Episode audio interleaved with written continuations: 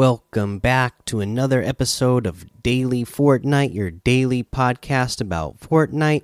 I'm your host, Mikey, aka Mike Daddy, aka Magnificent Mikey.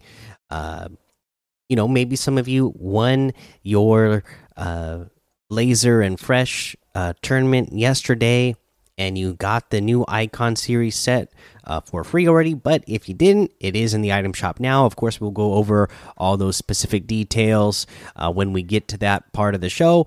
But yeah, that uh, is released today, so go check that out. There's new challenges today, so we'll talk about those in a moment. Uh, but for now, let's go ahead and look at the LTMs. We have high explosive squads, siphon duos, 100 level default death run, and Team Rumble is still unvaulted as well. Okay, so uh, let's go ahead and uh, talk about uh, the actual news that we got going on. A couple of uh, cool things. Don't forget that uh, you know the FNCS semifinals kick off tomorrow, so make sure you're checking those out. Uh, most of the news that we have today is related to competitive, so let's go ahead and get into that. Uh, the first thing that we have is this Switch Cup. Okay, so let's look at this. This is Earn Cosmetics and uh, Earn Cosmetics for competing in Fortnite Switch Cup 3. So, hello, Fortnite fans. It's time for a switch up. On March 9th, 2021, Nintendo Switch players will have the opportunity to earn the Cypress Nell outfit and Quantic Pulsar backbling for competing in Fortnite Switch Cup 3.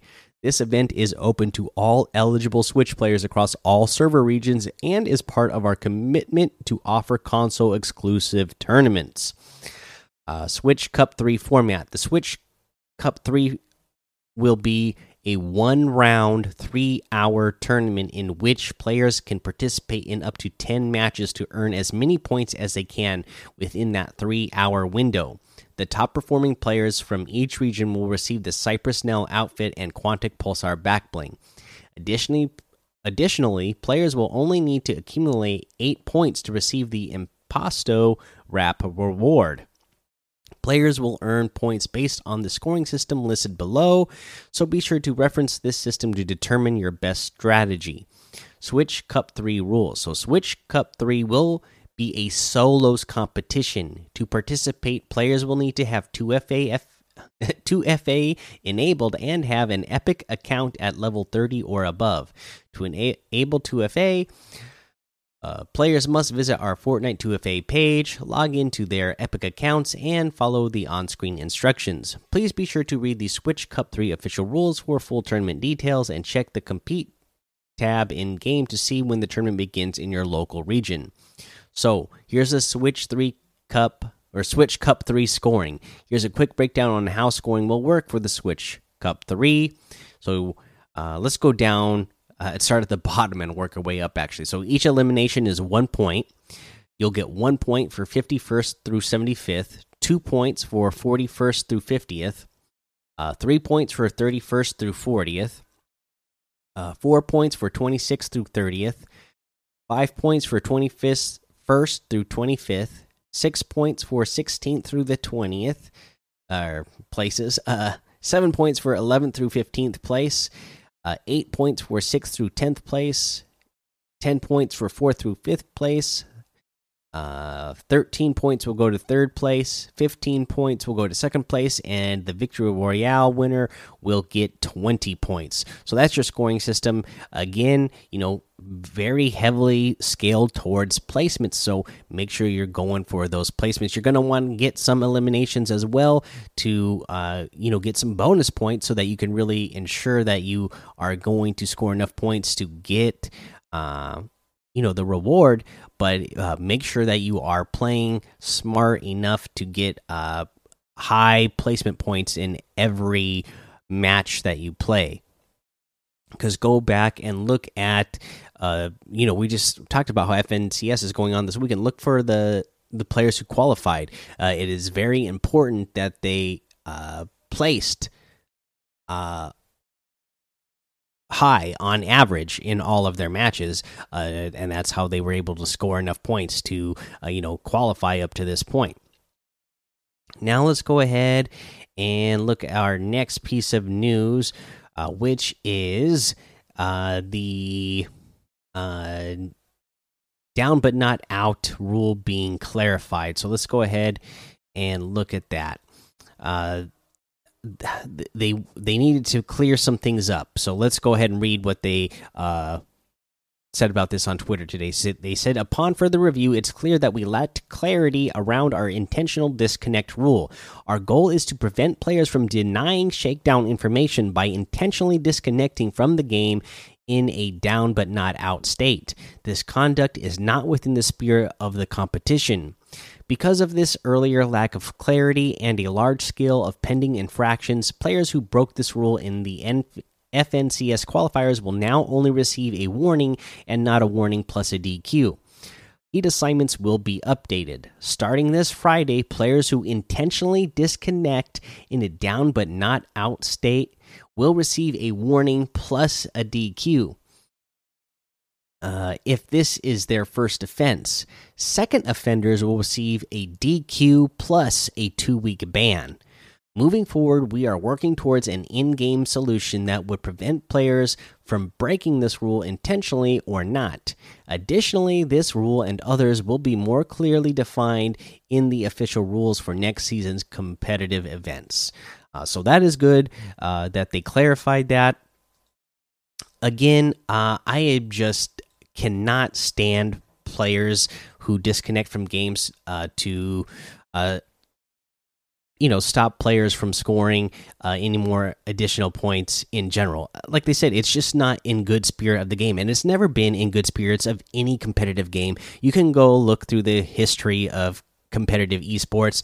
This is something that goes on in pretty much every esport that's ever happened where you know you'll get the pros they'll get themselves in a tournament and uh, they don't want to give another player point so it would in in some esports is considered a legit you know strategy like oh well i don't want the, that person to score points so i'll so i'll just di disconnect from the game. And in some communities in some in some esports uh, that's seen as a okay thing. And i just like you you know that's why some of them ne never really caught on and got popular because it's just not you know if you're if you're the rooting for the person who needs to score some points and is trying to catch up uh, you don't want them to not get points because uh, you know uh, this sore loser can just disconnect so that they don't let the other, another person score points and get past them. Like that's just not how sports are played. Uh, so I'm glad that that this is the way it's being done in Fortnite because it's just ridiculous uh, that uh, it's something that has taken place in esports in the past. You know.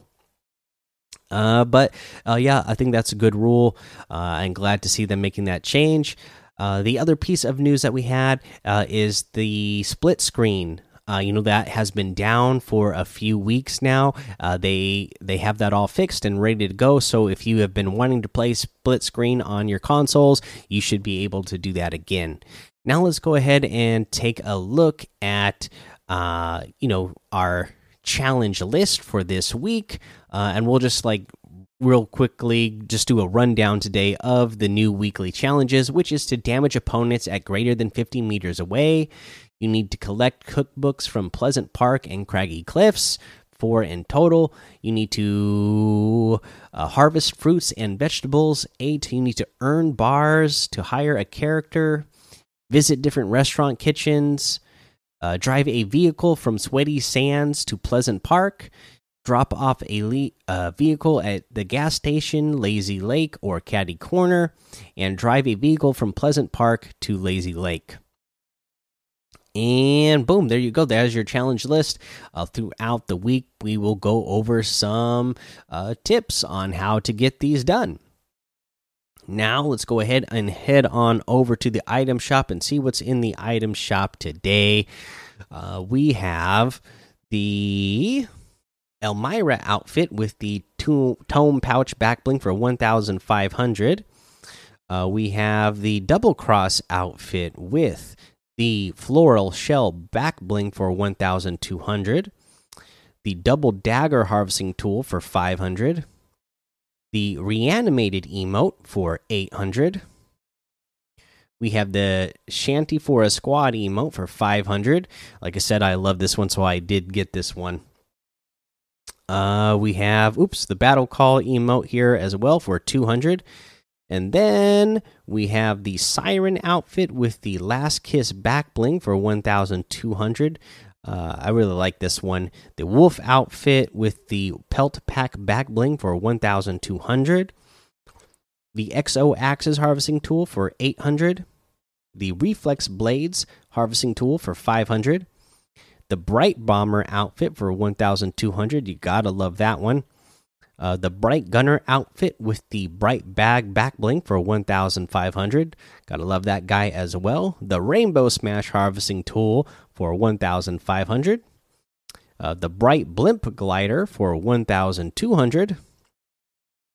And then, of course, we have that Lazarbeam bundle, which includes the Lazarbeam outfit. He's true blue.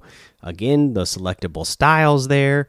Uh, the Lazarbeam, laser beam, uh, relaxed beam. You have the Lazarbeam helmet and a relaxed beam with the hat. And then the baby Gingy back bling, take your son to work day. The lunch break emo, I want five of them and the old mate sledgy harvesting tool. Use this to look like you're doing something. Uh, this looks like it has styles as well a default and a old mate sledgy full sized. Oh so one is short and the other one is long. Okay interesting. So this bundle here is 1800 v bucks that's 800 off the total if you were get to get them individually.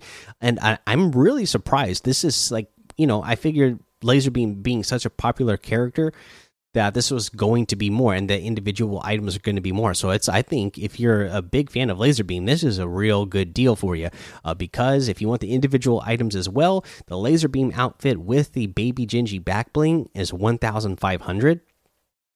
The old mate sledgy harvesting tool is 800. The lunch break emote is 300 the oh okay that's yeah that's everything there. So uh yeah i mean that Lazarbeam uh, outfit itself i thought that was going to be 2000 itself but uh yeah what a great deal for uh the Lazarbeam icon series here uh, but that's everything in the item shop today. So you can get any and all of these items using code Mike Daddy, M M M I K E D A D D Y, in the item shop, and some of the proceeds will go to help support the show. Uh, real long day at work today, so just uh, a quick reminder. Uh, tip of the day: is to make sure that you're doing VOD reviews when you're playing, and then also when you're doing those VOD reviews, make sure that you go ahead and look at it from the perspective of the opponent. Who you know, if you're if you got eliminated, look at it from your opponent's uh, perspective as well. Uh, just that way, you can see you know from their point of view what they saw. Uh, and then you can think about it as of oh okay that's how they were able to get me what could I have done better there to protect myself now that I can look back at it, uh, you know, seeing it from their point of view and how, you know, however you were building or editing or whatever you did that uh, allowed yourself uh, to, you know, have a clear shot on you, you can go back and go, okay, uh, I see uh, how they were able to take advantage of that and how I can fix that mistake in the future.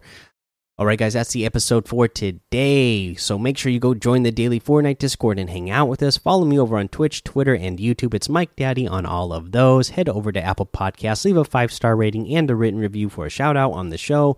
Make sure you subscribe so you don't miss an episode. And until next time, have fun, be safe, and don't get lost in the storm.